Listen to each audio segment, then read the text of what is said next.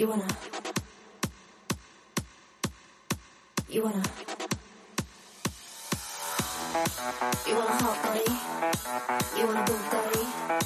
You want a Maserati? You better work, bitch. You want a Lamborghini? Sitting martinis, look hot in a bikini. You better work, bitch. You wanna live fancy, live in a big man. Jæja, góðan daginn. Þetta verður ansi juicy þáttur en í þessum þætti af popsálinni ætla ég að halda áfram að ræða hana Brittni okkar. En hún hefur verið mikið í umræðinu undarfarið þar sem að ný heimildamind var að koma út um hana sem heitir Framing Britney þar sem að maður sér svona hennar sögu frá öðru sjónahorni og ég er með frábæra gesti í dag þannig að þetta verður bara alveg stút fullur og skemmtilegur og líka bara uh, já, freka feminískur þáttur. Og ég bara hlakka til að heyra svona hvað ykkur finnst en, en við langar svona nýta tækifæri fyrst ég er með ykkur einn á línunni að hveti ykkur til að gefa mig kaffibotla en sem sagt ég er með síðu fyrir popsáluna sem heitir bara buymeacoffee.com skástrygg popsálin og ég skal setja link hérna inn á, inn á bæði Facebook síðuna og Instagram síðuna og bara á Spotify. Þar sem að þið geti keift eitt kaffibotla til þess að styrkja popsáluna og kaffibotlan kostar held ég 5 eurur þið þurfa ekkert að skrá ykkur eða neitt þannig. Þannig að ætti að vera svona freka lítið mál maður það bara að slá inn kortanúmer. uh, en annars bara ætti þetta að vera lítið mál og það sem þið geti líka gert þið geti sem sagt skrifa svona komment með kaffibotlanum og þá jáfnvel skrifað aðtöðsemt um efni sem að þið viljið að teki verið fyrir hér í pop sálinni. Þannig endilega gefið mig kaffibotla og ég tek fyrir efnið ykkar. Er það ekki góðu dýll? En þá er bara komið að þætti dagsins. Já, góðan daginn og velkomin í popsálina. Góðan Ég- daginn. Góðan daginn. Góðan Ég daginn. er með frábæra gesti. Ég er með merkjaði gesti. Ég er með hana fjólu heiðdál, heiðdál, sem ég þekki henn alveg fjóla. Já, pínu. Og þú ert Brittni aðdáðandi með meiru og feministi. Já, sannlega. Bara- Mætti í feminista sokkunum í dag. Ó, merkjað, æðislegt. Og ég er með Daniel Oliver. Halló. Við kynntumst svona í gegnum bara popsálina. Já, ég bara gati ekki hann haft samband af því ég bara, ok, þetta það er svo mikið sem er að gerast, ég er bara að tala við þig um þetta. En ég vissi alveg hver þú varst sko þegar þú varst að vera að senda mér skila og ég er bara svo mikil píkupappari. Þú ert sem sagt söngvari Og píkupoppar líka. og píkupappari. Já, já. Og veitingahúsa eigandi. Já, Segð okkur eins frá því, hvaða veitingahúsa? sko, þetta heitir Súpufélagið, Soup Company og þetta er í Víki Mýrdal. Allir að mæta. Svona súpustæður, já, endilega mm. ekki heimsóðun. Og ég sem sagt, ég bjó í Svíþjóð í 8 ár og var að vinna þær í tónlist. Og svo fekk ég eiginlega pínu svona ógeða á Svíþjóð. Eða ekki kannski á Svíþjóð heldur á Svíjum, Já, já, allt annað. allt, allt annað mál, við tölum um það setna en ég ákvæmst að flytja heim. Og þá var þá hérna flutti ég bara inn á mömmu, ég skildi kærasta minn eftir í Svíþjóð, Ok. ég þurfti bara aðeins að komast í burtu. Og við mamma bara einhvern veginn veist, ég fór að tala um mömmu bara, oh, mér langar svo að gera eitthvað annað bara eitthvað allt annað, Já. og mamma var búin að vinna í átta ári á tónliskóla hafnafyrir og hún bara, já, veistu hvað, ég er líka bara mér langar líka að gera eitthvað þannig við ákvaðum að prófa að opna svona súpustað og þá opnaðum við bara í svona pínlillum hergám bara við ströndina í vík og það alveg bara sprengdi út en að sér sko. það bara var svo vinsælt að okkur var búið bara risastór staður sem er gamla kaupfélagi í vík og núna erum við búin að vera í þrjú, erum að fjórða ári rekstri þar Vá, merkjað. Ok, Já. það er að mæta. Og ég bara, ég, ég glöði að þið séum þá starfandi með við allt og allt saman. Já, það er nú sem svolítið er í ekki gangi. rosalega mikið að gera en, en ég var að segja við áður að- áðan áður við fórum upptökur ég er á leiðinni þangað og ætla að leiða mér hús í viku ég skal bara borða þarna, Já, alltaf er bara með endilega öll mín börn og, og makka Endilega komið til mín en við er, ætlum að ræða um hana Brittni okkar í dag Mm -hmm.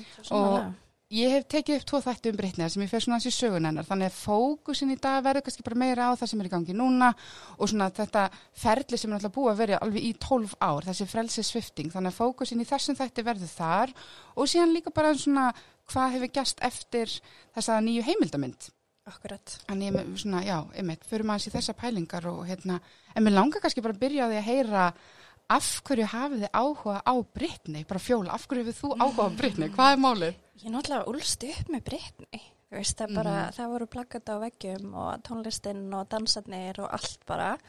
Og hérna, svo bara svona í setni tíð að, veist, að fá að fylgjast með henni í gegnum þetta allt og maður Mhm. náttúrulega hefur fengið einhversi rosalega skakka mynd af henni í gegnum fjölmiðla. Algjörlega. Að þegar það fer svona meira að koma í ljós þá náttúrulega kviknar hérna þessir feminista tendensar í manni og maður er eiginlega bara, þú veist, outraged. Já, og maður vill bara sjá þetta líðundi lók akkurat. og fá bara kannski smá skilning í máli þetta er svo klikkað. Einmitt, alveg sammálaður. Minnst líka einhvern veginn, hún er svo, komum að segja, uh, svona, við vantar orð, ekki aðgengileg, hún er svona approachable. Fekk, þú veist, á þessum tíma vorum við kannski ekki að kynnast popstjörnum eins persónlega eins og við höfum fengið að kynnast henni. já, Þannig að það gerir það einhvern veginn að verkum að maður svona tengi við hana. Já. Og ég tengi líka við bara einhvern veginn að mér finnst ég tengjast henni miklu betur heldur en mörgum öðrum af því hún er ekki fullkomin. Já, akkurat, maður hefur fengið að sjá það svo bersinlega, já. En á sama tíma núna fær maður svona mikið tilfinningunum fyrir ekki hvað hún er óaðgengileg, en kannski ekki að því hún vill það, en fattur Það var- verið að setja vekk í kringum hana, þú veist, þannig að ég örglega miklu frekar fyrir eitthvað, eitthvað annað fólk heldur en hana sjálfa, sko. sem er svolítið magnað, því mér fannst alltaf eins og ég bara vissi óbúslega mikið um hana, svo ef, ef maður hugsaður þetta, það færi eiginlega enginn að taka viðtal við hana, við þekkjum hann í rauninni alveg rosalega lítið. Já, Það er rosalega rít skoða líka, allt sem að öll við til hennar bara síðustu tíu árin. akkurat. Var bara- ekki, hver var það sem að tvítaði? Átti að taka viðtalvegna og þá var það allt svo niður njörfa hvað hann mátti spurja Já. fyrir fram. Það var einhver Hann í raun og var Ryan- já. ekki ræðin síkrist heldur á einhverjum öðrum svona mjöli, já. þekktur, fjölumilum maður. Hann basically bara talaði um að þetta væri bara falsa viðtal. Já, Og líka það að það var að koma upp að það var bara sömu spurningar í öllum viðtölum. Ef hann var í, í nokkrum viðtölum á sama tíma. Það var þetta störglega bara svona tilbúið blað. Bara hérna hann mátt spyrja þessu. Hann sagði er mér líka bara að hann hefði aldrei farið í viðtala sem hann er eins, svona eins margar hömlur settar Já, á hann, einmitt. sko. Akkurat, já, hann, hann bar, bar saman með Michael Jackson. Einmi. Alveg rétt. og svo stendur sko, hennar tím stendur síðan yfir henni sko meðan Já, og, og ef það kemur eitthvað, ef það kemur einhver spurning sem er áþægileg, þá er þetta að stoppa bara strax já. og klifta út og allt þetta sko. Mér finnst áhugavert, nú er ég kannski komin í hérna kommentaþráðin hennar með öllum það, en hérna að skoða viðtal við hana frá því að hún er uh, ef hún er búin að ná fræð Mm en ennþá með allt sitt, veist hvað hún er kringum 20 eða eitthvað, hún er svo ákveðin hún er svo málefnaleg og hún er svo mikið með þetta hreinu Mhm. og hún er að horfa á viðkomandi hún er að tala við hann í viðtölum undanfarnar ára þá eru augun alltaf að leita ekkert út fyrir viðmarlandan þú veist, Já, er ekki allt í góð er ekki ekki hún grænu og- svæði og veist, þetta er bara Já. hræðilegt sko. Og svolítið svona, einmitt, sem að maður hefur kannski svona hinga til tengt við bara eitthvað, þú veist, er hún á einhverju eitthvað, en svo er þetta mögulega bara einhver stjórnur, sko. En, það en ég átt eftir að spyrja þig, Daniel, akkur hefur þú áhuga á Britney Spears? Sko, ég sá Britney fyrst á tónleikum sem var með, úti tónleikum á Hawaii. þá var hún bara ótrúlega ung eitthvað og sætt og ég mani mitt að það sem ég svona, ég er alveg forfallin Britney aðdæðandi og það vita það allir mínu vinir sko. Og það sem ég fann svo áhugavert við hana eru náttúrulega nokkru hlutir. Að mér varst geggja hvað hún bara að náttúrulega einu geggja og allt það sko. en svo hérna er hún svo góð dansari. Og mér var svo flott hvernig hún allt svona hennar svona sviðs koreograf var eitthvað sem ég hafði aldrei séð áður fyrsta lagi. Og síðan var það nákvæmlega sem þú sagðir að hún, er svo, hún var svo öðruvísi en allir aðrir. Hún var svo einhvern veginn mannleg svona venjuleg og svo aðgengileg sko. Og bara Já. svona skemmtileg típa og það er bara, það hefur aldrei verið neitt svona einhvern veginn snobb í henni sko, þú veist hún er alltaf verið ótrúlega hóvær og til dæmis í meði svona eins og marga aðra stjórnir sem hafa einmitt verið svona pína að skýta hvern annan og eitthvað svona hún hefur aldrei sagt neitt ljótt um neitt yfir höfuð punktur. Aldrei Nei. nokkuð tíma, það er ekki til neitt á rekord þar sem að hún er að tala illum neitt og hún er búin að vera í bransa í 20 ár. Já, það er rétt þú veist, og það hlýtur líka að segja bara hvað hún er með ótrúlega góðan svona arbeids, svona work moral sko. Alveg, og hún far því líkan skýt, sko. já, hún Já. fær alltaf skýt og svarar því aldrei. Nei, í raunin ekki sko. Mér halló Justin, einmitt, hún Justin. svaraði hún bara það vissi sínu enginn hvort að hún hefði haldið fram hjá honum eða hann haldið fram hjá henni eða þau hefði bara hreinlega hætt saman og Þau voru Já. bara krakkar líka, þetta er utan það sko. En mér finnst þetta hérna, einmitt, uh, ég held að það sé bara rosalega bara- góð sál sko ég held að líka. Já, ég held að hann sé mjög gæmil það er náttúrulega komið inn á þarna í heimildamyndinu sem er nú búið að taka niður sem Mhm. þú sendur okkur linka á að hérna, henni í raun og veru skýtum þessum peninga mm Mhm. hún vill allt fyrir allir að gera Mhm. og svo leiðis þannig að þú veist, það skýn alltaf bara í gegn Æ, hún er Einmitt. bara þessi ótrúlega góða stelpa frá Mhm. kent út þarna í einmitt grunninn held ég og hefur einhvern veginn alltaf náða að halda í það mm Það er mitt líka málið, það segja það allir sem hafa svona unni með henni, hún næri að halda bara í, bara, þú veitir, bara saklausu Brittni sem að var ekkert fræg hérna fyrir einhver Einmitt. ára síðan, hún er bara ennþá hún, sko. Já, einmitt Breytist ekkert mikið og, og, og, og margt sem að hún hefur verið gaggrínt fyrir eins og ég hugsa stundum um sko brúðkaupið hennar og, og Kevin sem var svolítið svona eins og það væri svona eitthvað svona innan gæsalappa white trash brúðkaupið eitthvað Já, eitthvað inn- inn- já. eitthvað svona óbúslega low key og eitthvað, það var bara svo mikið hún ef maður hugsa það, þú veist, Já. hún var gaggrínt fyrir þetta þetta var eitthvað svo sjoppulegt og eitthvað, en þetta er bara hún Mhm. bara algjörlega anda Mhm. en mér langaði svo að fá ykkur hérna í þáttina því þið eru sérfræðingar í Brittany og aðdáðandur sjálfskeipaðir sérfræðingar skulum hafa það hreinu. og ég veit ekki hvort þetta standi einhvers staðar hverjir eru mestu sérfræðingarna í Brittany en við skulum bara gefa okkur að séu við þrjú hérna já, já, Mhm. og mér langar svolítið bara svona að fara bara strax í þetta frelsisviftingamál ef við bara Já. förum bara þangað Daniel, þú varst búin að taka hann svona saman svona svolítið sögur já, ég er sem sagt sko, að ég sendi ykkur link hérna á ég ætlaði fyrst að fara og skoða nýju hérna dokumentari mm Framing Britney aftur. Og ég var búin að, sérst, búin að láta vinn minn downloada og síðan var ég ekki með tölvuna mér þannig ég ætlaði bara að fara á YouTube en ég fann það ekki. Það kom upp sérst önnur mynd sem var lögð inn fyrir nákvæmlega tveimu dögum. Og ég horfði á hana, hún er einn og hálfu tími og það er sko tímalínan á sko þegar hún er frelsisvift þá er tímalínan rosalega nákvæm þú veist hvernig það allt gerðist og svona og farið honni í dítela á sko hvernig hennar sko tím og fjölskylda, hvernig við komumst upp með þetta. -hmm. og svo sendi ég ykkur þetta. Mm og síðan í morgun þá var þetta horfið Ah, af netinu já. sem er ógislega áhugavert ekki það ég sé mikið svona conspiracy theory þú veist manneskja en, en mér fannst það bara ógislega spes Það er ansi margt orðið Það er- já, óaðgengilegt algjörlega. sem að hefur komið út búið að varðandi taka hana. út for the record myndina Já. sem betur fyrir ég er búin að horfa á hana svo oft Já. að ég get kvóta hana ef þið þurfið eitthvað sko. Merkja, ég á hann fyrir mörgum árum og ég man ekki neitt en það er mitt þetta, þetta er tekið út af netinu sko. Þetta Við er ekki út af, er chaotic ennþá, ég horfði á það því ég Ég var að leita því um daginn ég það er eina tímabilið með Britney sem ég eiginlega svona gat ekki. Það var með þegar hún var með Kevin og þau voru svo chaotic. Þessi þættir voru Þetta bara, var bara- Ríkar, mér fannst þetta að vera var svakalegt. prumpi dós nafni. sko, ég var, ég var alveg bara, æ nei, ég get þetta ekki sko. þannig að við voru á skriftum stað. En segja okkur endilega meira frá Já, tímalínu ok, við tökum tímalínan aðeins sko, bara svona gróflega Þetta er semst þannig að hún og Kevin Federlin, þau skilja um, á þessum tíma þegar þau eru að skilja þá er hún komin í svolítið svona partystand og er hérna með veist, Paris Hilton og Lindsay Lohan eitthvað og einhver paparazzi ljósmyndir að taka mynd af pjölunáni og, Mhm. og setja, veist, það var svolítið mikið svona vesen í gangi síðan sem sagt ákveður hún og Kevin að vera með sammeilitt forræði og hún, hann er með krakkana og leifir henni ekki að, að sagt, sjá krakkana þá þegar hann er með börnin hún náttúrulega er þarna líka bara vill rosalega mikið vera með börninu sínum Mhm. en hann er svona pína blokkana sko. og þetta verður að því að hún fer í rehab sem er örglega verið, hún er örglega verið að drekka mikið eða þú veist, það er Mhm. eitthvað svona Hann rugl, sko. náttúrulega ásakar hana um að vera að taka kókain fyrir fram að já, sem að við veitum einmitt ekki um sko. um. getur vel verið að hún hafi getur verið verið bara það sko. en við veitum það náttúrulega ekki Þetta gæti líka hafa verið bara spil í honum. Já, getur alveg verið. Þannig að hún fer í rehab og út frá því missir hún krakkana og þá sagt, er verið að ákveða svona visitation rights en á meðan það er í gangi þá fær hún ekki neitt að hitta börnin.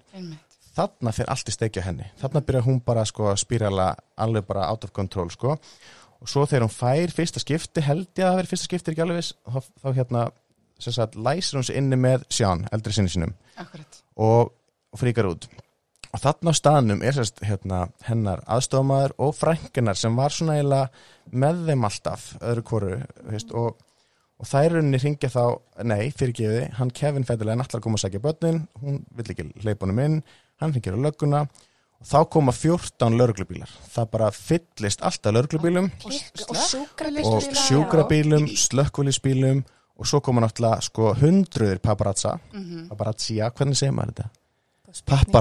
Köllum Ég til í pappa rassa. emitt og hún er semst bara tekin út á, á hérna, börum og ströppu niður og lögð inn að geðdild þarna byrjar ferlið, þarna byrjar þannig þetta þannig að pappi hennar sem, sagt, sem hún er by the way ekki búin að tala við nýja sjá í átta mánuði Þegar þetta gerist. sem þegar þetta gerir, sem sýnir að þau voru greinlega ekkert með eitthvað rosalega gott samband á þessum tíma. Það er vitað að hann var drikkjumæður og það er vitað að sko hann hafði aldrei haft neitt með hennar fyrir að gera, hann var aldrei viðstættu neitt sko, hann var Nei, bara, fannst gaman að vera já, fannst gaman að vera að veiða og eitthvað svona sko.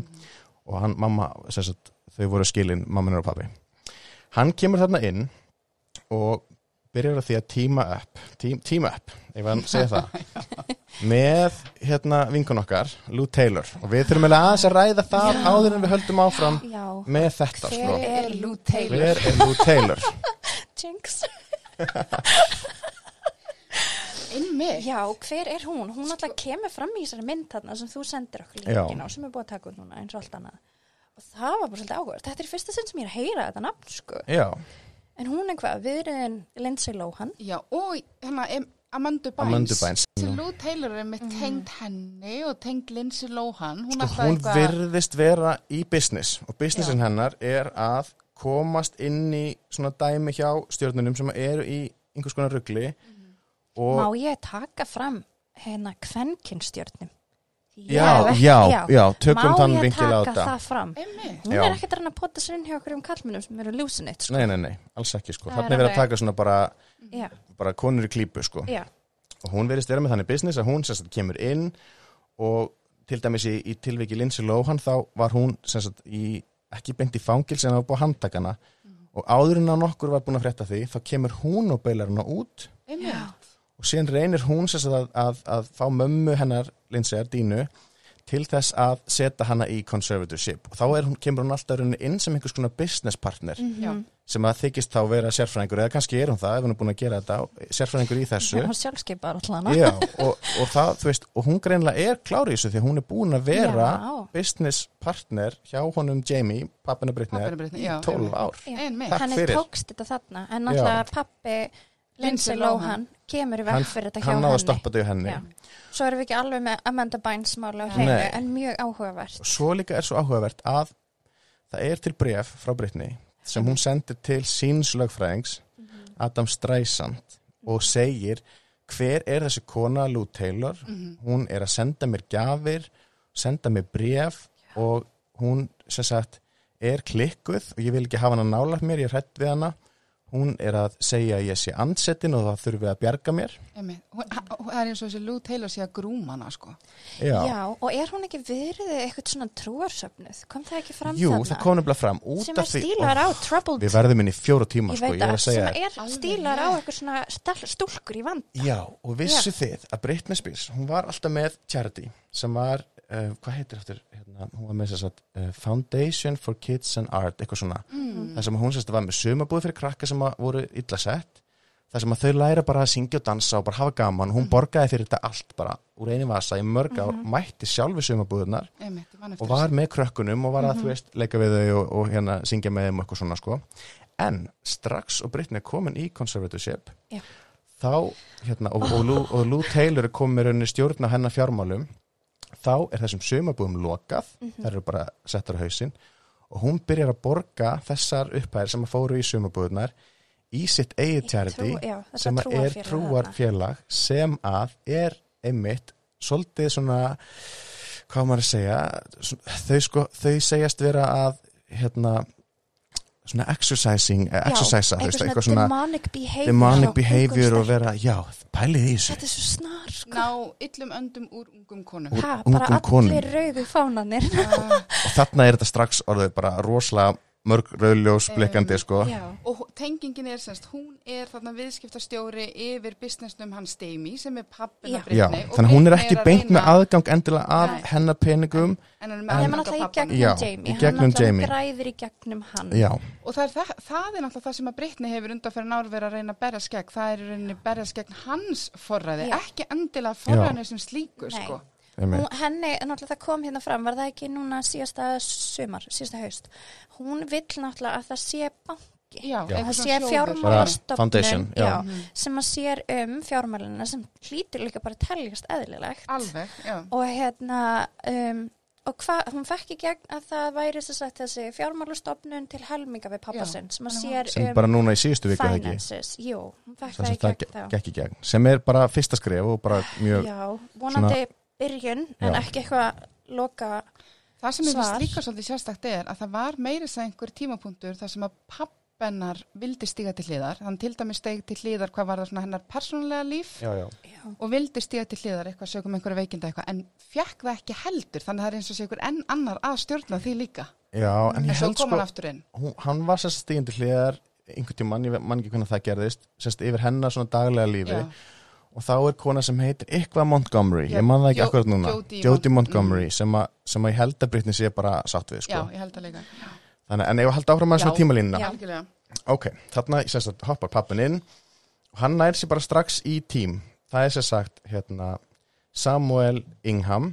Og það er sér sagt lögfræðingur sem að domstóllin raunni svona uh, court appointed journey sem, svo, hérna, sem að hann ásast á að sjá um Britney hlýðamálinu en augljóslega er ekki með Britney sko yfir höfuð. Veist, hann er bara að Hann gera er hlutina nei, hann er ekki hennar val, hún Nei. vil fá sinn eigin lögfræðing Adam Streisand sem að reynir að þess að komast inn í þetta tölum aðeins um það eftir. Og síðan er það Andrew Wallet. Mhm. og hann er í rauninni sko co-conservator með Jamie til að byrja með og er viðskipta sko sér þá um öll viðskiptin hennar Britneyar einmitt. Og hérna og hennar, sérst, lögfræðingur hennar Britneyar hann Adam Streisand hann sérst reynir að benda á það að þessi maður hérna er ekki hann var ekki búin að vinna það lengi, hann er aldrei unni með svona stórar upphæðir, þannig að hann reynir að benda á að hann sé ekki rétti aðeins til að vera að sjá um mm. allt svona viðskipta veldi hennar Britneyar Andrew Wallet þá. Já, Andrew Wallet. Ok, við erum sérst komin þangað. Hann sérst nær þessu mönnu með sér og Adam Streisand reynir sérst að fá að, að hoppa inn sem lögfræðingur hennar Britneyjar en hérna Samuel Ingham segir þá við dómarinn að hann hafi farið og hitt Britney í 15 mínútur og segir að hún sé óhæf til að taka ein ákvarðanir. Akkurat. Þannig að hún fær ekki einu þannig að hún fær ekki einu svona ráða hann. þannig að honum er rauninni bólað út Já, og við verðum líka aðeins að aðtuga að undir hvað kringumstæðum hittir hún Samuel Ingham og Mhm. undir hvað kringumstæðum hittir hún Adam Streisand. Samuel fer inn á stopnun og hittir hann þar Já. í 15 mínútur. Mm. en Britney fer sjálf og hittir Adam Streisand Já, og tala við hann einmitt, töluvert já. lengur. Einmitt. einmitt. Að það sem gerir síðan já er a- akkurat að þegar hún sagt, er leist út þá er búið að gefa pappa hennar svona tímabundi lögræði yfir henni. Það er ekki búið að raunni það er eins, eins og bara, já, Já. bara svona tímabundi lögræði. Það er og verið eins og þú varst að tala um í fyrirparti bara svolítið svona eðlilegt, þetta Já, var bara já, eins og bara fólk lendir í tímar, ef að- 72 já. tímar einmitt Já. bara til þess að koma fólki undir læknisendi já, eða kemst í gæðrof eða eitthvað svona eins og varst að tala um hann um daginn.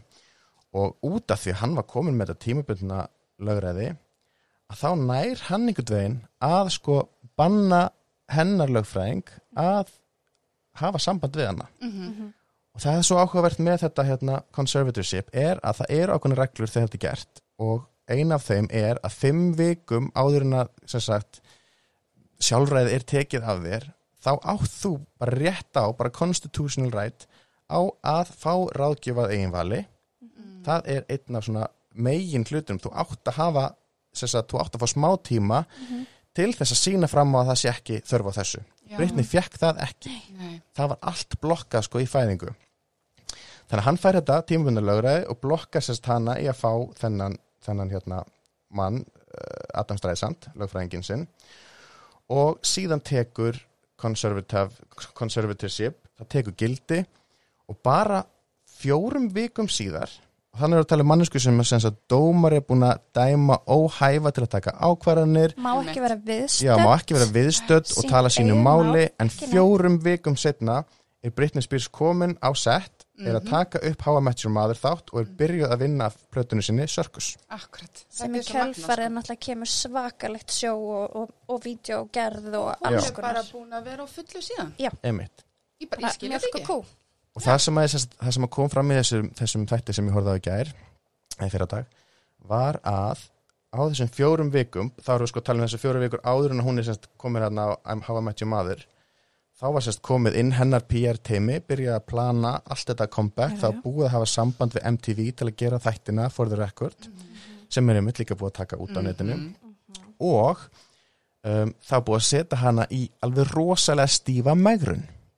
Þannig að þá hún var komið sem sagt þá bara byrja að skamta onni hana og láta hana hreyfa sig á hverjum einasta degi fjóru vikur áður en hún fór að taka upp á Matchum maður og þetta finnst mér já, og eina ástæðin fyrir því eina af ástæðin fyrir því að þetta var gert var þetta því að einn af pródúsörunum, Dr. Luke sem að við þurfum heilan annan þátt að tala um, hérna kemur nýtt dæmi fyrir því sko, Dr. Luke, Já. ok, Já. ég er að heyra þetta sem að hún kísja sem sagt sakaði um að hafa nauka sér Hræðilegur já, einstaklingur. og er, er, það er já, Já. og hann, hann sem þetta segir eða hótar að, að því hann sérst á að vera að gera plötununar hann segir sérst að hann ætlar ekki að gera þessa plötu nema hún sé búin að grennast Já, Mhm. oh, pælið í chauvinistic Bara piece of shit allir- afsakið sko Já, já, bara Bara- allir og kallar þess- þegar allir all- stjórn sko. hver kallar þennan stjórnani? Þannig við erum basically að tala um það að daginn sem að Britney er svo sleppt út þá er hún bara sendt heim, það er bara komið fólk og hún er bara sett í maðurinn og hreyfingu og örgla einhverja leiklista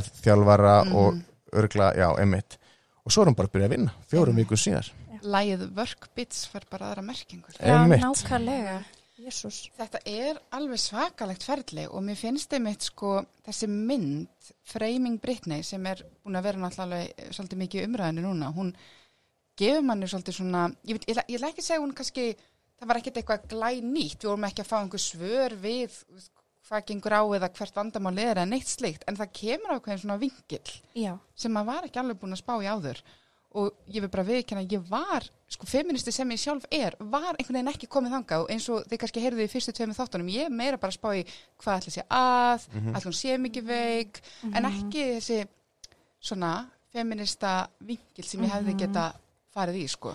Já, Það var rosalega gott við þessa mynd að það var tekið, sko, þetta var rosa mikið svona slap in the face fyrir fjölmila þarna í bandarækjunum alveg, já. svakalega. Ég fannst þetta alveg æðislu vingil sko að vera að sína bara hvað er búið að bara, einmitt, niðurlægana oft akkurat bara á, á ofinbjörnum vettfangi og hvað er rauninni dæmana harkalega út frá hlutu sem að kallmenn eru aldrei dæmdi fyrir. einmitt Já. og líka dæmana harkalega alveg sérstaklega fyrir það sem kallmenn eru Mhm. ekki dæmdi fyrir. Ég til dæmis skrifaði á Instagrami mitt bara eh, ef hún á að vera með bæpólar eins og sagt er, Mhm. af hverju hún búin að vera frelsisvift í 12 ár meðan Mhm. karlmaður með bæpólar hefur fengið að bjóða sér fram til fórseta bandarækjana Já, nákvæmlega sem er gera bara- alveg jafn stóra ef ekki mikið stærri skandala sko. Næstu því að, opna, að stopna einhvern sértrúasöfn og eitthvað og ég, Já. já, ég er að tala um. Kanye West sko. Já, en getum við bætt Tom Cruise inn í jöfnuna? Já, og, og bara Oh Lord.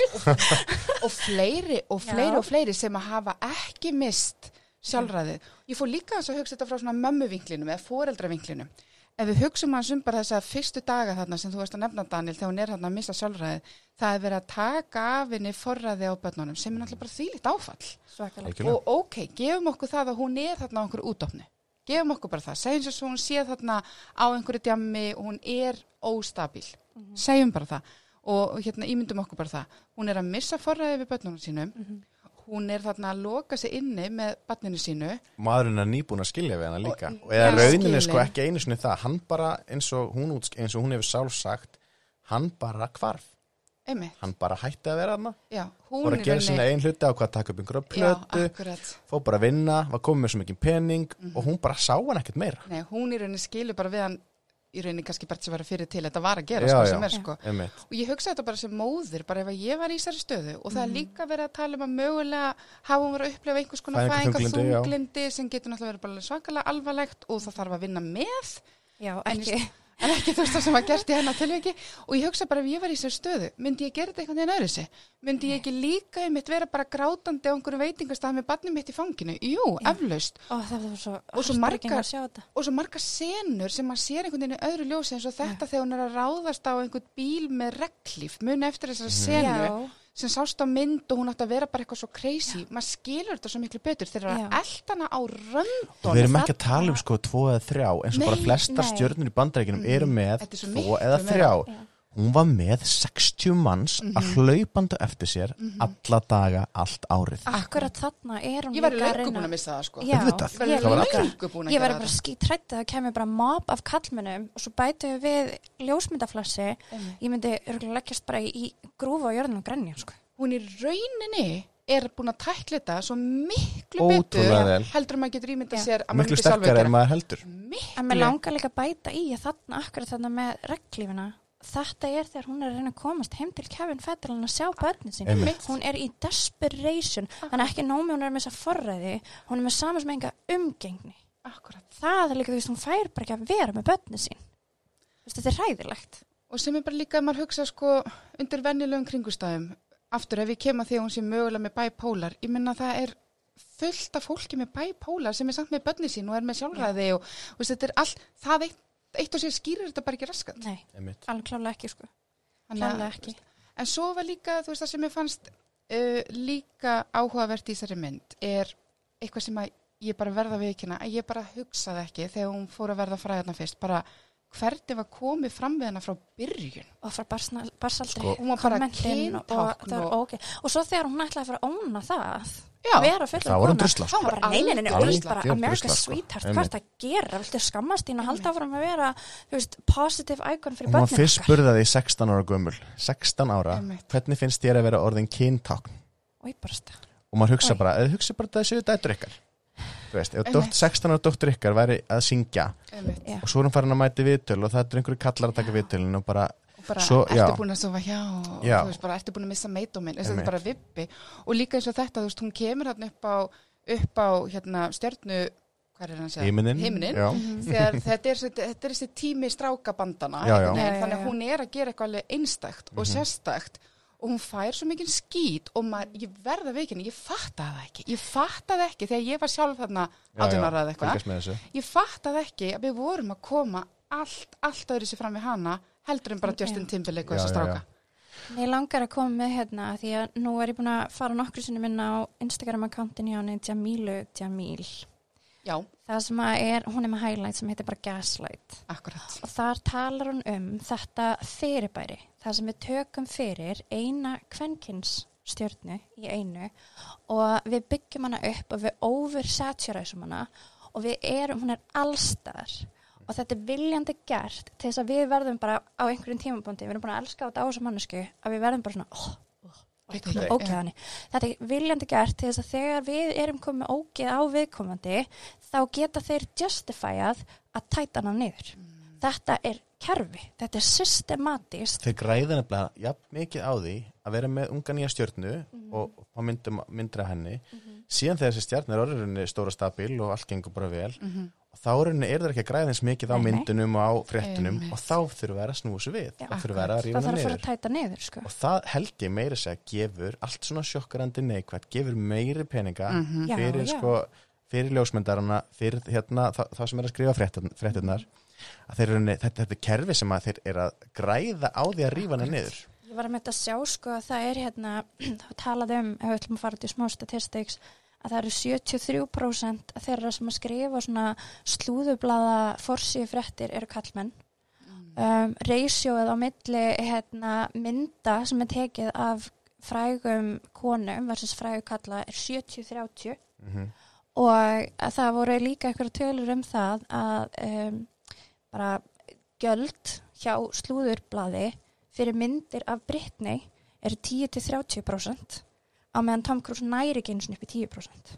einmitt. Þú og svo eru og myndirna svo- dýrari hjá öllum kvenkistjórnum en Já. hjá köllum Og svo líka bætist við, að því þú ert að tala um móðurlutarki, það bætist við að þessi viðkomandi stjarnar komið Já. fá þeir ennþá meira fyrir peninginu hún sést út um banna sitt. Æ, ói, bara. Þetta er ógeðslegt. Ég var einmitt hugsa til þess þarna, ég var að horfa á þe- þessi skot þarna þegar hún er hérna næstu að missa strákinn sinn, hún er að labba þarna út, ég var móðir 24 ára, ég var eldri en hún, Já, Hún var ég var um yngri. 23 hefur móður fyrst skipti. ég hugsa bara, ef einhver hefði náð því öllu á vídeo, á myndböndum, hvað ég var að gera 24 ára gömul, og ef öll mín mistök hefðu bara verið mynduð og bara byrt fyrir alheiminn, Já. sko í alvöru, þú ert bara ung móðir, þú ert viðkvæm mögulega þetta fæðinga þunglindi, hún eignast þarna tvö börn bara á mjög stuttum tíma og mögulega uh, viðkvæm fyrir, mögulega með þunglindi eða eitthvað fyrir sem að það magnast upp þarna og í rauninni það er enginn að hjálpinni. Nei. Og Það er allir á mótinni. Það er allir á Það mótinni. er allir á mótinni eða græða á henni. Já, Veist, þetta er bara, ég held þetta sé pjúra dæmi að hún þurfti hjálp en hún þurfti ekki bara hjálp. já, hún þurfti ekki frelsissviftingu Nei. til þess að verða bara einhver mjólkukú fyrir nokkra fáa hefna aðila sko. einmitt. Og ég held líka þessi, sko, þegar maður horfir síðan á hann í dag og þeir sem segja að þeim finnst hún eitthvað skrítin í dag og það hlýtur þá að vera eitthvað að. ég meina bara umhverfi sem hún hefur þá verið í Já, og þessi frelsi svifting og það að hún bara stjórnar engu, auðvitað verður eitthvað að lokum ég, að. ég er myndum að segja, hvernig, hvernig kemur þú heil frá svona? Akkurat. Nennir einhver að útskýra það fyrir mér Við skulum taka líka, núna er búin að vera COVID Já, Já. Við munum eftir sköpunu þar sem að við erum bara pínu orðin svona pínu ruggluð að við vera svolítið mikið bara sjálf hægt bara. ein eitthvað og kunnum alltaf tala við fólk lengur og ímyndi ykkur svo að vera í rauninni bara læst heima hjá þér á milli bara, þú, þú veist, þú fer í vinnu þú veist, þú ert með einhver verkefni og svona þessa milli, ertu bara ein heima með einhverju aðstofafólki. Allt árið um kring auðvitað verður maður kúku, ég er ekki að segja hún er búin að vera kúku á Instagram. Ég skal alveg viðkynna það. Stundum, stundum Instagram, hjá henni ég bara, æ nei, please Já. Það er í raun að vera ekki skrítið að fólk sé pínu að um, það- vera með já. svona, hva, hvað segir maður, hérna, æ, ó, nú er ég búin að týna orðinu. Þetta týna orð, ó Ah. fjóla, þetta, er, þetta er mitt þeng, týna orðin. Fólk er svona gaggrinnið eða Hérna, svona já, að ef, ef hnekslaði það fyrir að eitthvað. búa til hérna eitthvað svona fabuleringar Já, um hvað er í gangi sem er kannski alveg byggt á einhverjum rökum, klárlega eins og við erum Mhm. búin að ná að dekka hérna Mhm. en já, conspiracy theory já, samsæðiskenningar. þegar hún, postaði hann skraflborðin í morgun að það var kommentin voru bara eitthvað, ok guys, let's go to work she's telling us something Já. ég las þetta alveg og fyllt okkur um bullarðum eitthvað en það var ekkert eitthvað sem var eitthvað help me!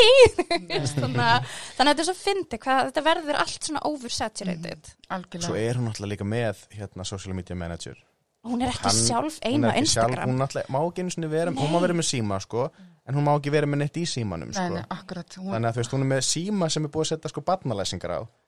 Tölum um það fyrst. Og síðan að þessi social media manager sér náttúrulega um að setja upp postana fyrir hana og hún er örgla, þú veist, út af því að hún er undir alls konar samningum líka við, þú veist, blötu fyrirtækinu og þá kannski líka inn í samningnum hennar, hún þarf að posta kannski einu stundi til þessari viku eða eitthvað já. þannig að þú veist, hún er bara heima hjá sér og drep leiðist, það er ekki að hitta krakkana sína, þú veist, og þarf samt að vera að búa til eitthvað efni fyrir Instagram, Mhm. Já. þú veist, þannig að hún bara, ok, ég ætla hérna að dansa fyrir framann myndavélina við eitthvað lag sem ég er skemmtilegt, þú veist, hvað á maður að gera? Einmitt. En mér finnst þetta einmitt þegar fólk er eitthvað gaggrýna hvað hún er með skrítið content á Instagram. Þetta er samt svo mikið hún, eins og ég mann bara eftir þegar hún var yngri, hvað hún talaði um hvað hún dyrkar að vera bara eins og hún sé á tískusýningu eitthvað. Og hún er oft bara með þannig content, hún er bara eitthvað svona lappa fyrir fram að myndavélina í fötum. Já, og svo Og- líka bara nota beni, þú veist alltaf að segja, "Ó, hún lítur svo illa út núna. Já, hún er náttúrulega bara heima hjá sér, í hei, hei, heimilisfötunum sínum, hún er ekki með förðunafræðing, þú veist, hún má ekki einu sinni fá förðunafræðing, að ég veit ekki einu líka Það er bara- enginn sem að er að, veist, að eitthvað hafa hana til fyrir þetta, hún er bara heima hjá sér krakkar, hún er bara heima hjá sér eitthvað, Líka hún skuldar okkur ekki að vera alls ekki, hún sko. er búin að vera nógu sæti nógu mörg ár, sko. Líka, hvernig eru við öll búin að leita út heima hjá okkur í, í heilt ári COVID, sko. Ég menn, hún er búin að vera först heim í 12 ár. bara með nachos ríki hérna út að kynna okkar Cheetos, Cheetos. En mér er svo margt, mér er svo margt mitt við þetta, þú veist, eins og til dæmis ef við má koma hans aftur inn á bara svona sögun, eins og með þennan lagfræðing Andrew Wallet, þetta er náttúrulega hefst allt þetta frí Britney hreyfingin fyrir aftur á stað, þetta fyrir hvað, rúma árið síðan, þar sem að hann í rauninni byrjar á því að óska eftir launahækkun. Af því Sko. nú er hún orðin svo duglega, svo mikið að gera í hennar lífi, þetta er svo stórt business Sko, model, sko, sko, sko, sko. Fyrsta árið, fyrsta árið, ég bara, veitu við, ég verð að segja ykkur svolítið. Fyrsta árið fekk Andrew Wallet 405.000 dollara fyrir að sjá um Britney. Ok, ég veit ekki hvað Ok, það er við skulum hérna, ég ætla að opna hérna upp bara hérna Arjón Banka appið, þetta er ekki auglýsing.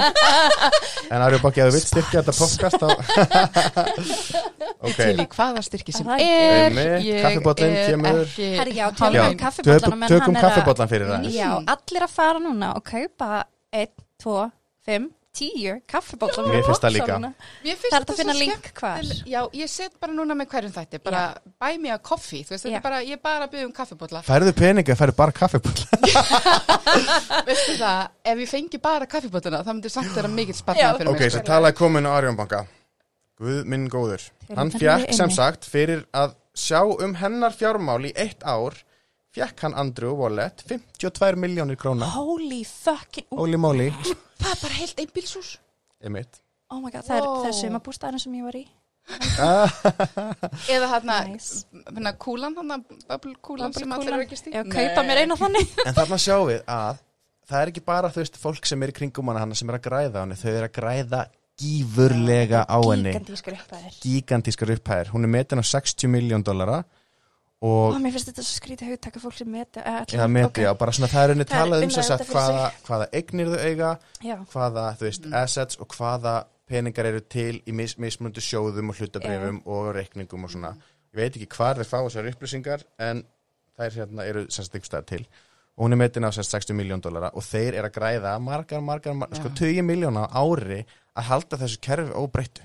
Algjörlega, algjörlega. En hvað var máli með síðan þennan Andri Wallet? Hann byrður um launahækkun, segir að þetta, Segir að con this conservatorship sé hybrid business model. Já, bara þessi setning. sem það er örgla bara. Og alveg eins og pappina alvöru? segir að hún er vinnuhestur. Já, hún er bara, og það þurfa að koma fram við hana sem slíkan, hann sag, segir þetta er útgæst og reyndar, hann var, þess, þetta er alveg satt. Brittany hefur sjálf sagt, hún elskar að vinna. Já, og þið líka bara frá því að þetta gerist þá er hún búin að gefa út hvað, fjórar plötur og eftir hún gerði fyrstu plötuna Circus, þar sem hún er nýsloppuna geðdild, þá fer hún á tónleikaferðalag og fer og heldur hundra tónleika ég fór á Circus hérna tónleikana í Kaupmannhöfn, hún var alveg geggjuð Oh. þannig að hún greinilega, þó hún sé bara þú veist, allt sé steikjáni þá fer hún samt og vinnur og gerir það rosalega vel já, já. einmitt. það er algjörlega hennar persón þannig að það, hann, er, hann, hann hefur ekki drámt fyrir sér en að pappi þinn myndi segja eitthvað svona um þig Að ég og sjá þig fyrst og fremst sem Já. einhvern vinnuhest það er Einmitt. náttúrulega bara ógíslegt og sýnir bara þú veist, og hann muni eftir svona oh, my baby's gonna buy me a boat Já, já, nákvæmlega að, hann, hann sér hann. svolítið sem Já. sko bara peninga sko maskinu Það- fyrir sig og sína sko já. En svo ég ítreka það enn og eftir hvað ég feina eigi ekki neitt, pabbi það hlustar en, svo, en svo hættir Andri Wallet og hann er rauninni gefur í skinn að hann hefur áhyggjur af bara hvað er verið að Já, hann hefur ágjur ástundur og segir Já. að ef hann heldur áfram það, muni það valda henni óaftur kræfanlegum skada. skaða. Já, einmitt. Hvað á hann við? Veist, Hvað er hann að meina? Ég veit, ég, ég er ekki alveg komin, sko, ég er ekki alveg búin að átta mig á því en það er líka svo mikið upplýsingum í þessu öllu sem að við erum ekki búin að sjá. Mm Þú veist, og Einmitt. ein af ástæðinum fyrir því, e, ok, ein af ástæðinum fyrir því að hún er ennþá í, sagt, þessu, svona, þeir haldinni þarna, er út af því að meðan hún er í conservatorship, þá er ekki hægt beint að kæra hana. Veist, það getur enginn rauninni haft samband við hana sem vill ná sambandi við hana og þar getur til dæmis farið aðeins inn á hann Sam Lufty.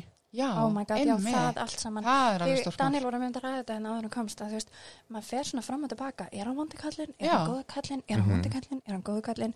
Að því að hann er virðist, að þú veist, það sem maður heyrir náttúrulega frá hennafólki er að, að þau eru náttúrulega fáa á nálgunubann hérna hægri vinstri, Mhm. sem hann svo brýtur til að hjálpa henni til að koma áfram pappirum frá lögfræng til hennar varðandi Einmitt. forræðismáli hennar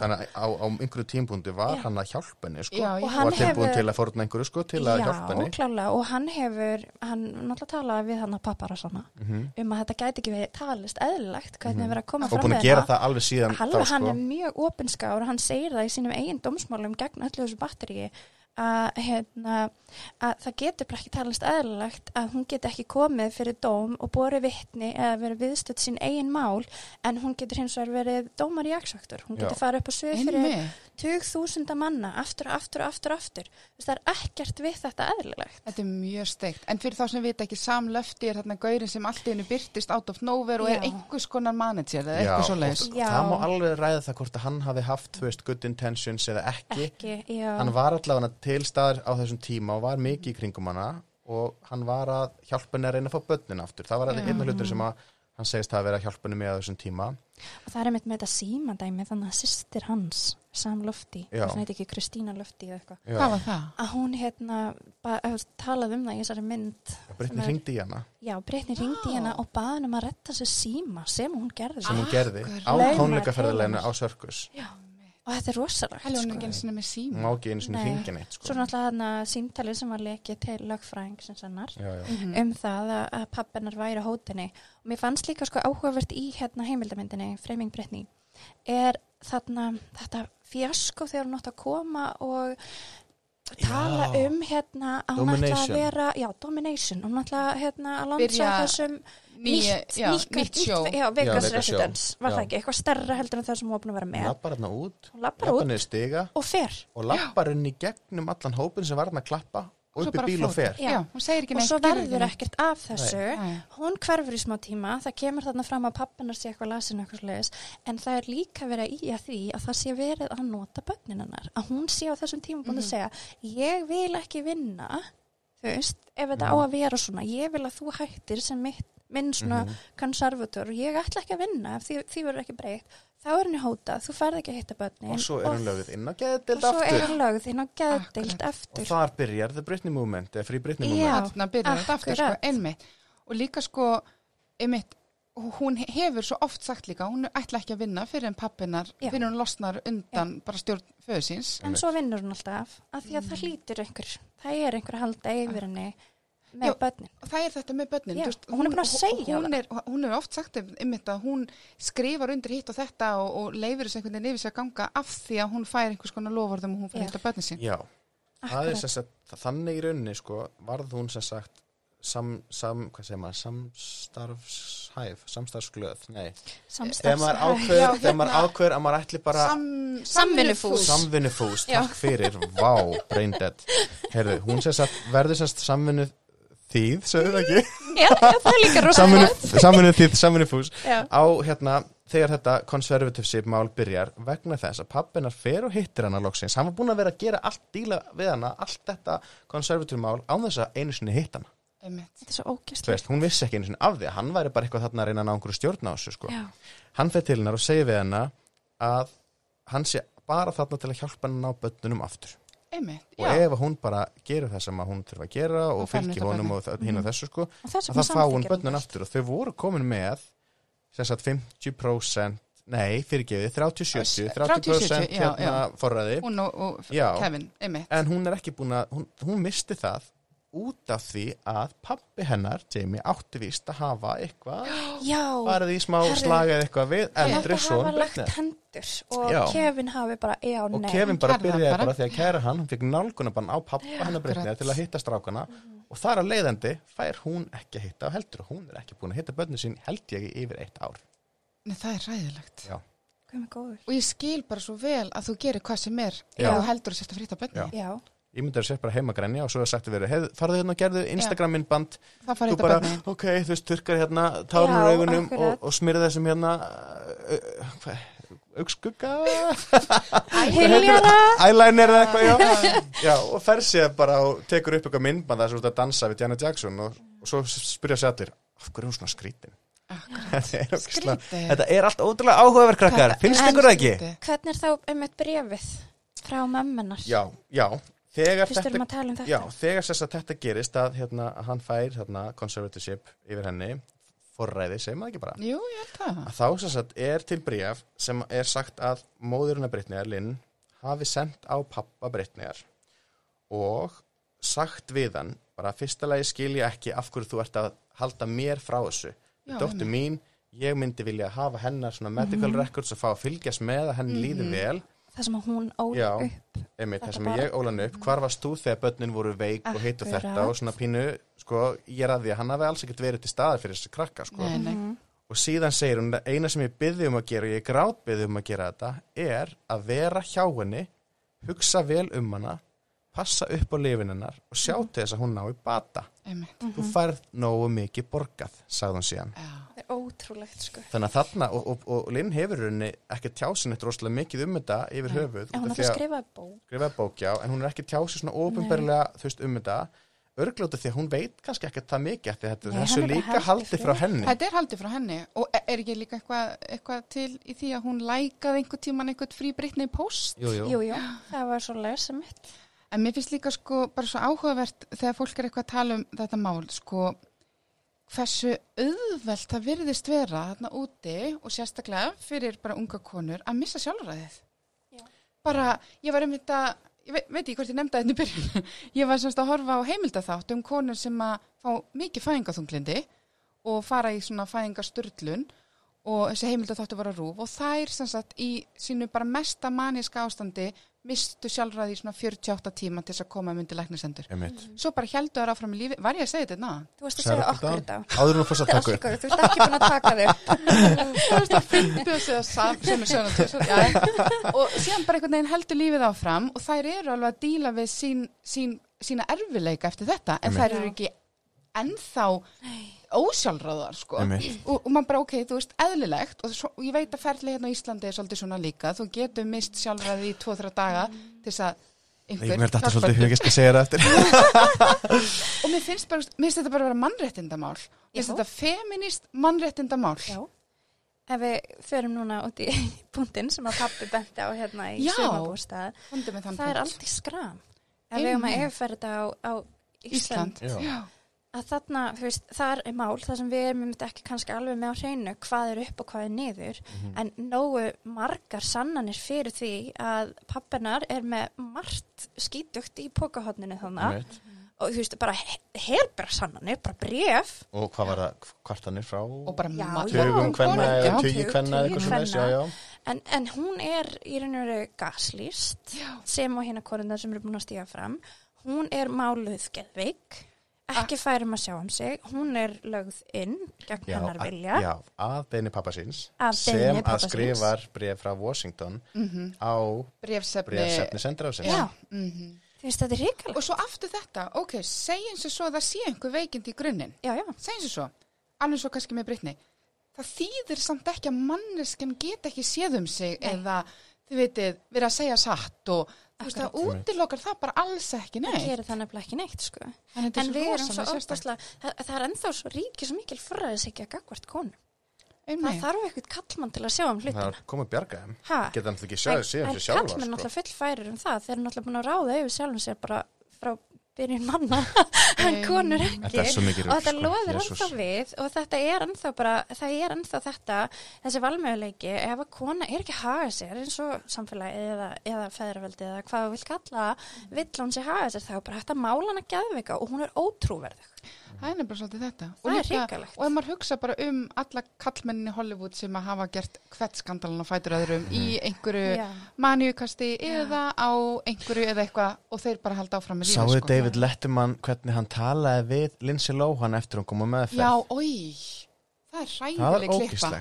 Hann sko, hann, hann býður henni í þáttuna fölskum fórsöndum um að tala um eitthvað, eitthvað, einhverjum bíómynd sem hún var að fara að gera eitthvað slegis og svo segir hann bara, byrjar hann að tala um að hún sé bara, hey, you are a drug addict, aren't you? Þú veist, og bara, og hvað ertu að nota? Já, og hún var you- svo you- flott. are you are- Is it alcohol, is it drugs Já. og eitthvað hitt og þetta sko og hún dílar rosalega vel við hann en segir samt við áhrifendur bara að þetta var ekki á spurningalistanum Mhm. fyrir sjóið, svo þið vitið gott hjá En- að segja það en já, hérna, þú veist, hún sagði bara ég sé það bara að fara í meðferð sem, að, sem ég að vera sterk og Já. hjálpa sjálfur mér Einmitt. og mér finnst það bara ekki neikvætt eitthvað svona, og svo, er að- svo reynir hann að rífa hann eitthvað niður sko Já. þannig að þetta var ógíslegt að horfa á þetta en það er það ekki neikvægt ef að kallmenn fara í meðferð það er bara gott, frábært, Já. vá, það flottur er gott hjá þér taka ábyrð á sjálfur sér Einmitt. Ha. Það er rosalega ólík umræða. mjög Einmitt.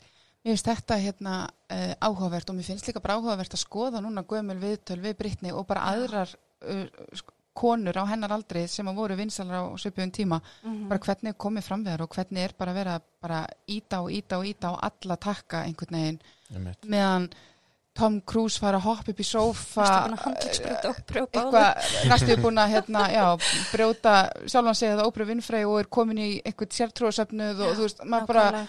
og það er bara allt geggjað, æðislegt, frábært. Það er alveg svona frétt, sko, haha, vá, eitthvað klikkaði maður, Jesus, slæma þessi fimm minútur, en hei, Brittany, hún Já. er hérna bara grænjandinn og veit ekki hvað stað með barnið sitt, þú veist, þetta er hræðilegt. einmitt, og bara það er mitt ég man hvað mér fannst alveg rosalega uh, hvað maður að segja, dramatíst og sérstakt að sjá hann hérna með batni í fanginu grátandi. En núna þegar ég hugsa tilbaka þá bara auðvita og af hverju var enginn í hjálpinni En það, það er með, þú veist, aftur það sem ég var að tala um áðan, hvernig, hérna, þessar stjörnur, hvernig stjörnur eru byggðar upp og svo byrjum við öll, bara, veist, ég veit ekki, ég get örglega talið fullt af frægum konum sem ég er bara, eitthvað, ó, hún fer eitthvað í töðunar á mér. Ég get ekkert sagt ykkur af hverju. Mér finnst þetta mitt svo opuslega áhugaverð umræð á netinu, þetta með, þú veist, af hverju fer þessi töðunar Já. og ég var myndi að hugsa af hverju Er þetta fer Taylor? Swift í töðunar á mér, ég aðeins að skoða það, veist, af hverju Taylor? Swift fór er ógíslega mikið í töðunar á mér einu sinni en svo fór ég eitthvað svona aðeins að fylgjast með sem sagt, hennar svona documentary sem er búið að vera á Netflix og hitt og þetta. Mjög flott, by og það kom nákvæmlega sama hjá mér. Ég er bara svona, vá, ég er í rauninni búin að vera að dæma hana akkurat. út frá því hvernig fjölmjölar hafa verið að mála hann upp sem einhver svona, Þetta þú er veist, einhver skessa, sko. þetta, er, þetta er Marilyn Monroe, þetta er. Miley Cyrus. þetta er Diana Prinsessa. Einmitt, Einmitt. ég er með glósur.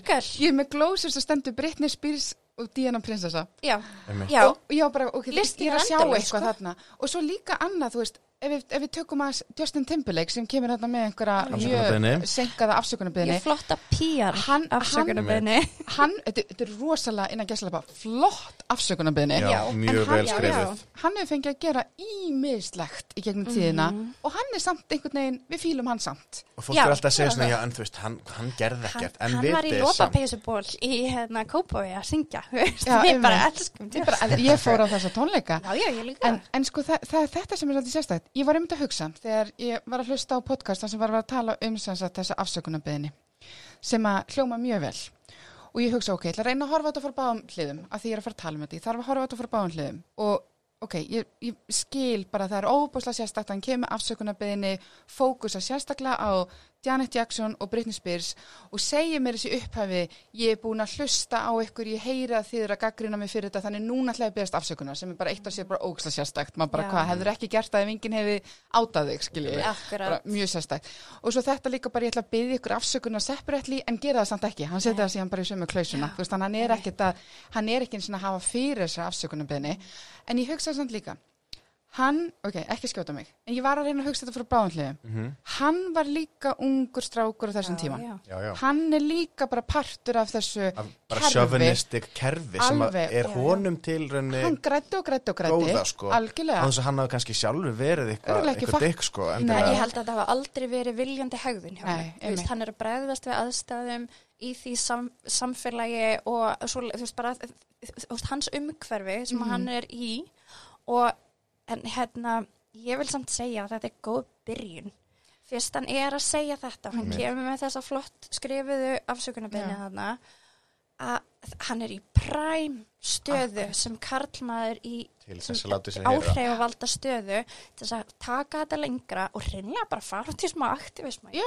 hvetin hann, en, en haldið hann er sé hann að fara að gera það Örugglega það ekki. er hitt sko sko, ég held að það sé alveg rétt að því þetta er, veist, ég hugsaði bara hvað meira hefði ég vilja fá frá hennu núna, hefði hann geta gert eitthvað meira fyrir mig hérna sem koni, ég er ekkit viss ekki á þessum tímapunkti, ekki núna. Nei, en hann er núna í svo miklu tækifæri að þú veist að kannski bara vera pínu vókal þegar hann sér svona hluti gerast. Mhm. Já. bara, hei, halló En það má alveg, við megum alveg hatt hann smá sko yfir þessu til dæmis með Brittany er að á þessum tíma sem þau hætta saman og hann hann kemur með þetta lag sitt og eitthvað þá eru sko óteljandi blaðagreinar í svona slúður blöðum í bandarækjunum að sko drulla svoleiðis yfir Brittany og segja hún sé sko bara sko, hún sé bara og algjör bara- hóra og hún sé ógislega, hún særðan og hnífur í bak Justins og Mhm. bara alls konar og á þessum tíma, ekki svo ég viti ég reynda var, ég fylgdi náttúrulega bara með þessum venjulega, sko, eins og bara hinn almenni hlustandi á þeim tveim að þessum tíma ég man ekki til þess að hann af neinum einasta tímapunkti sagt bara, hey guys, viljið þið hætta þessu Mhm. þetta Já. er ekki svona Nei, hann gerir þeir öfugt, ég minna þetta út af sig hann. nýtir sér bara nýtir sér hann, hann bara, þetta þetta er bara fyrir mig. sitt, sinn, sína fræð og það er, það er einhver ástæða fyrir því að Britney þegir, hún er líka með teimi í kringu sig, Justin er líka með teimi í kringu sig, Mhm. allir þessir einstaklingar eru með teimi í kringu sig sem að þeim hvað er best í stuðun að gera. Og hann nýtir sér það, það er eitthvað búin að segja við hann hana í viðtalið, þú veist, ertu búin að sofa hjá Britney á öllu grófari hátt? Og hann bara, mm, já, veitalega hún er oft spurð út í þú Þetta og svarar neydóminn aldrei. sinn og líka, hvað, hvað styrlun er það? Hvað er allir að fá af spyrja, hverju er allir að spyrja hvort a hefur sofið Þú veist, bara ert að Einmitt. býða þig að þang til þú giftir þig, þú veist, að maður er bara, wow, þetta er svo slikka sko. þú spyrð ekki oft kallmenn að þessu Nei, nei, þú spyrð aldrei Einhverju- kallmenn að Nei, þessu. nei, þetta er bara alveg ótrúlega sérstak en að, Jón, ertu búin að missa sunduminn? Ertu ert að til brúkupinu? þetta er bara ekkert spurt sko. Nei, ekki það, hann alltaf, það var eitt bachelor sem alltaf bara kom inn með þetta Já, já. sem svona sitt þeng. sitt. Já, En já. hvað finnst ykkur um? Nú er ég búin að horfa á þessa mynd tvisvar sinnum. Og ég er ennþá að reyna að ná tengingu við rósirnar.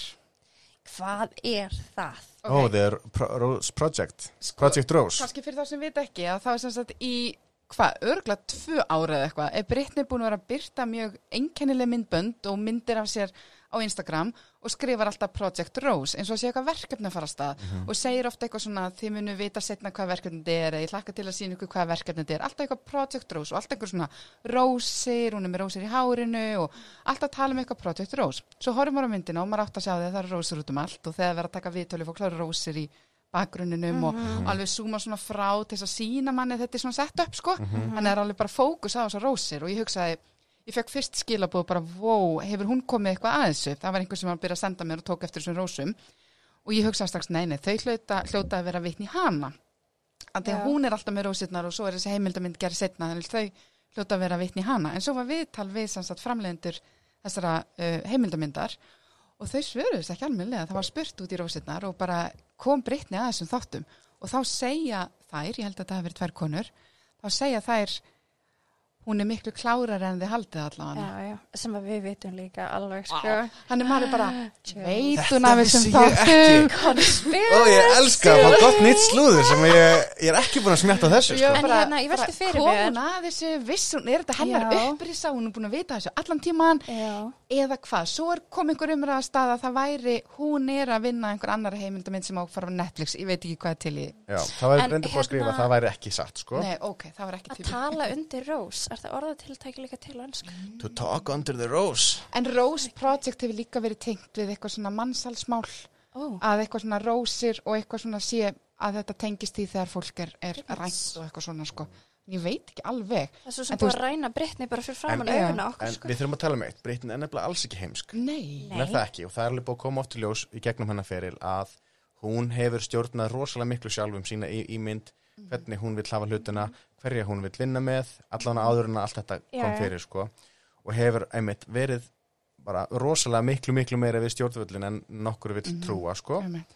og ef hún er ókslega klár, nú ég bara komið hérna conspiracy theory, ef hún er ótrúlega klár og hugsar, ok, það er conservatorship núna, ég er ekki að gefa út neina tónlist, þú veist, bla bla bla þegar ég slepp út úr þessu helviti þá ætla ég að gefa út plötu sjálf.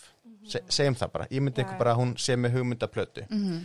og hún segir bara, hvernig get ég ef ég er ekki með þetta PR teimi hérna kringum mig endalaust, hvernig get ég sé til þess að það verði áhugi fyrir þessari plötu þegar ég loksins slepp? Og hún er kannski bara marketing 101 ég get hérna. alveg ímyndað mér sko að hún sé að sko, Hugsa fram í hún tíman er kannski einu sinni búin að ákvæða þessi plata Nei, verður hún er bara að gera fólk spennt fyrir einhverju sem að, út af því að hún er alltaf með mjög stóran aðdánda hóp Mhm. sem að býður spenntur eftir einhverju. Og ef að hún er búin að vera að tala um eitthvað í segjum 2-3 ár Mhm. ég myndi ykkur hvað þetta fengi þá miklu aðtikli þegar hún sem það kæmi. kemur. næsta plata mín heitir Project Rose og er persónulegsta plata sem ég hef nokkuð tíma gert. Er merkja sko. Veist, þannig að hún gæti verið, ég er ekki að segja hún sé það hún gæti verið sko marketing genius. Hún gæti líka verið að gera allir þessi ruggluðu myndbönd sem hún er að gera út af því að hún veit að þetta mun styrkja máli hennar hún veit að þetta mun vekja meiri aðtikli á Free Britney Movement. Í staðan fyrir hún ef hún sæti hérna bara fóða sæti og bara hi guys, eitthvað Einmitt. það hugsa allir bara, það er kannski nærða yngri aðtikli er, en hún nær aðtekli með þessu og hún fólk bara að rosalega hvað aðtikli og fólk, og að fólk gera? er einmitt að, að, að, að hérna, halda svolítið með henni og hugsa bara, hún er að missa vitið hérna inni, bjargi henni. Veist, þannig að það getur vel verið að hún sé alveg miklu klárir en maður vill gefa henni sko. og það setur svo í mér ennþá eftir þegar hún er ung og er orðin frekar fræg og hún er svo, eins og ég sagði hann, hún er svo málefnileg, Já. hún er svo skýr, hún er svo straight to the point og svo fer einhvern veginn svona hallendan fæti þarna og viðtalið þegar hún er að reyna að tala um myndirnar taknar af henni þegar hún er með batnið sitt í framsætinu að keira og hún er hann með eitthvað tyggjó já, Já, hún já. og hún er verið svona, hún verður að sínu svona, mér langar ekki að segja þetta en svona dumbed down já, pínu. Já, og hérna, en svo er hún líka dómar í X-faktor hún er rosa, þú veist, pöttugjafar þar og eitthvað svoleiðis. Og svo þessi myndbönd einhvern veginn bara svona alveg kúkú að, þú veist, maður veit ekki alveg hvað maður á, hvernig maður á að nálgast þetta og svo mögulega á hún bara óbóðslega góð tímabil já, og svo ekki góð. Eins og fólk En bara með bæpolar eins og fólk með bæpolar og bara við öll, by the way. Mhm. um, þú veist, kannski á hún góð tímabil og slæm tímabil, en mér finnst það samt ekki réttláta það Nei. að hún er ekki með sjálfræði, ég, Ég bara held- næ ekki utanum það. Ég held að það sé bara um allt að koma fram það er bara allt orðið svo skýrt að þetta, að þetta forræðismál og ef, ef, ef frelsisviftingamál á ekki rétt á sér og hefur ekki átt rétt á sér það hefur kannski gert það í þannig skamma tíma sem þur, til þurfti til að þess að hún fengi viðeigandi aðstóð en hefur hún, haft, hefur hún haft tíma til þess að fá viðeigandi aðstóð hún er búin að vera á full Þar má líka koma með eitt útrúlega gott dæmi að hún semst gefur hérna út sirkusplötuna og hún gengur ótrúlega vel og allt gengur vel og hún fyrir á þessu tónleika og svo fyrir hún beinti að búa til femfatal, femfatal plötuna. Hafið séð öll kynningamindböndin fyrir femfatal plötuna? Ég hef séð eitt sko, bara núna fyrsta lagi, þá er hún með mjög svona skræka krútlega rödd og, og svona voða sæt. já, já. hún var alltaf var svo hún bara, skrítið. Já, og hún var að segja sér að Me. Veist, hún, var, hún var bara augun á henni öllum- voru bara já. alveg galopin bara, og þarna hugsa ég, hérna. vá, hún er greinlega þú veist, því hún er örglega veik, hún er greinlega á nýjum livjum Já. þau eru ekki búin að setla. Veist, hún er jafnvel bara veik. Hún er kannski bara með hálsbólgu eða eitthvað. En Og samt er hún látin send vinna og þarna, og látin vinna. vinna, vinna, vinna og leið augl, augljóslega illa. Þannig að þú veist, það er búið að sko keira þessa stelpu út. Algjörlega. Já, jésús minn, ég gæti, en ef ég veist, ég- ég, nú er ég búin að vera í hérna endurhæfingu á virk, að því ég fekk bara svona burnout. Og bæði frá sem er rókslega algengt, það er alveg margir sem fá þetta. Mjög, en það lifið við í samfélagi þar sem bara hraði hraði og bara hvað er fyrir þetta, bara alltaf brella að gera pressa, pressa pressa, líka, pressa. allt sé, allt sé frábært og fullkomið og þú, þú veist, hafi tíma til að hérna, vera í núvitund en samt áttu líka sko að vera í ræktin en samt áttu líka að hafa tíma til að hitta vinnin og svo áttu líka að vera í vinnunni. og vera að búa með öll markmiðin og Mhm. bara eiginlega meira til sko, guðminn gór, ég skil. ég er skil. Og þú veist, ég er að koma frá bakgrunni það sem eru hérna, mikil erfið áföll er að vinna úr áfallstreitur öskun og hversu leiðis ég geti bara ekkert verið vinnu núna. Þú veist, ég þarf bara mín aðstóð utanumhald og ef ykkur var að keira mig svona út, ég skal lofa ykkur því að ég verði með maskaraklessuna, niður á kinn heima hjá mér, með hári úfi líka. Og hvaða lag fyrir þú dansa við? Það getur valið eitt. mér Piece bara of með Heyrðu, hvað er upp á spritni lagið Ég ykkar? að enda á þessu. Heyri hjá mér, sko fyrsta lagi Blackout platan. Hún er geggjuð. Nam, Mhm. nam, nam, nam og Piece of Me. Já, Ok, uppáhaldsplata mín er Britney platan mm. sem heitir bara Britney. Mhm. uppáhaldslægi mitt er Sörgus ógesla skrítið já. Það kemur það svona, ekki veist, það það Eða, er Mér eitthvað finnst náttúrulega ekkert lélegt en ekkert Já, frábært ég veit ekki akkur, mér finnst það svona go to lag sko í hausnum á mér, ég fyrir ofta að hugsa um Já. þetta lag sko. Sko Piece of Me á bara eitthvað að því þú veist, þetta er svo mikið FU Ég veit það í allt í kringum hana og þegar ég heyri þetta lag þú, veist, þú spilar það hann aðeins í þættinuðinum, ég fæ sko gæsa Já, þú ok. staði sem að ætti teknileg sé að vera hægt að fá gæsa þú ég fæla bara smá bónar sko. Það er gæsa höfðu rassin? Já, rassinn, hún var að rassinn. tala Þú ert að um segja að fá gæsa á staði sem eru ekki aðna já, einmitt, Að ég bara á hérna my imaginary bónar bara get off my dick sko, þetta er svo gott lag. Ég held að hérna Mist þetta, mist búin að vera frábært að fá ykkur hérna. Þið eru algjöri sérfræðingar. Ég held að þetta mál sé bara núna eins og stænir núna og þessar breytingar þetta er bara rétt að byrja. Ég, ég vona að þetta mál sé rétt að byrja. Það er náttúrulega fleira fólk að koma fram. Já. það er kærastennina með bombin á Instagram. Akkurat. Það er frænkanar nefnilega það. Frænkarnir sem er bæðið ekki búin að fá að hitta hana í 12 Já. ár. Þær voru mjög nánar og hún einmitt. segir það er margt sem að Brittany geti sagt frá hann og ætlar að gera það einhvern tíma. held að það sé eitthvað að fara að gerast. Mhm. sko, ég let fyrsta þáttinn af popsálinni heita uh, frelsum, uh, frelsum Britney eða eitthvað fyrri þáttur og svo kom ég með setni þáttur. Það er náttúrulega bara algjör mistök. Bara, bara þetta er bara þetta á að vera fyrsti þáttur, annar þáttur og þetta er þá þriðji þáttur.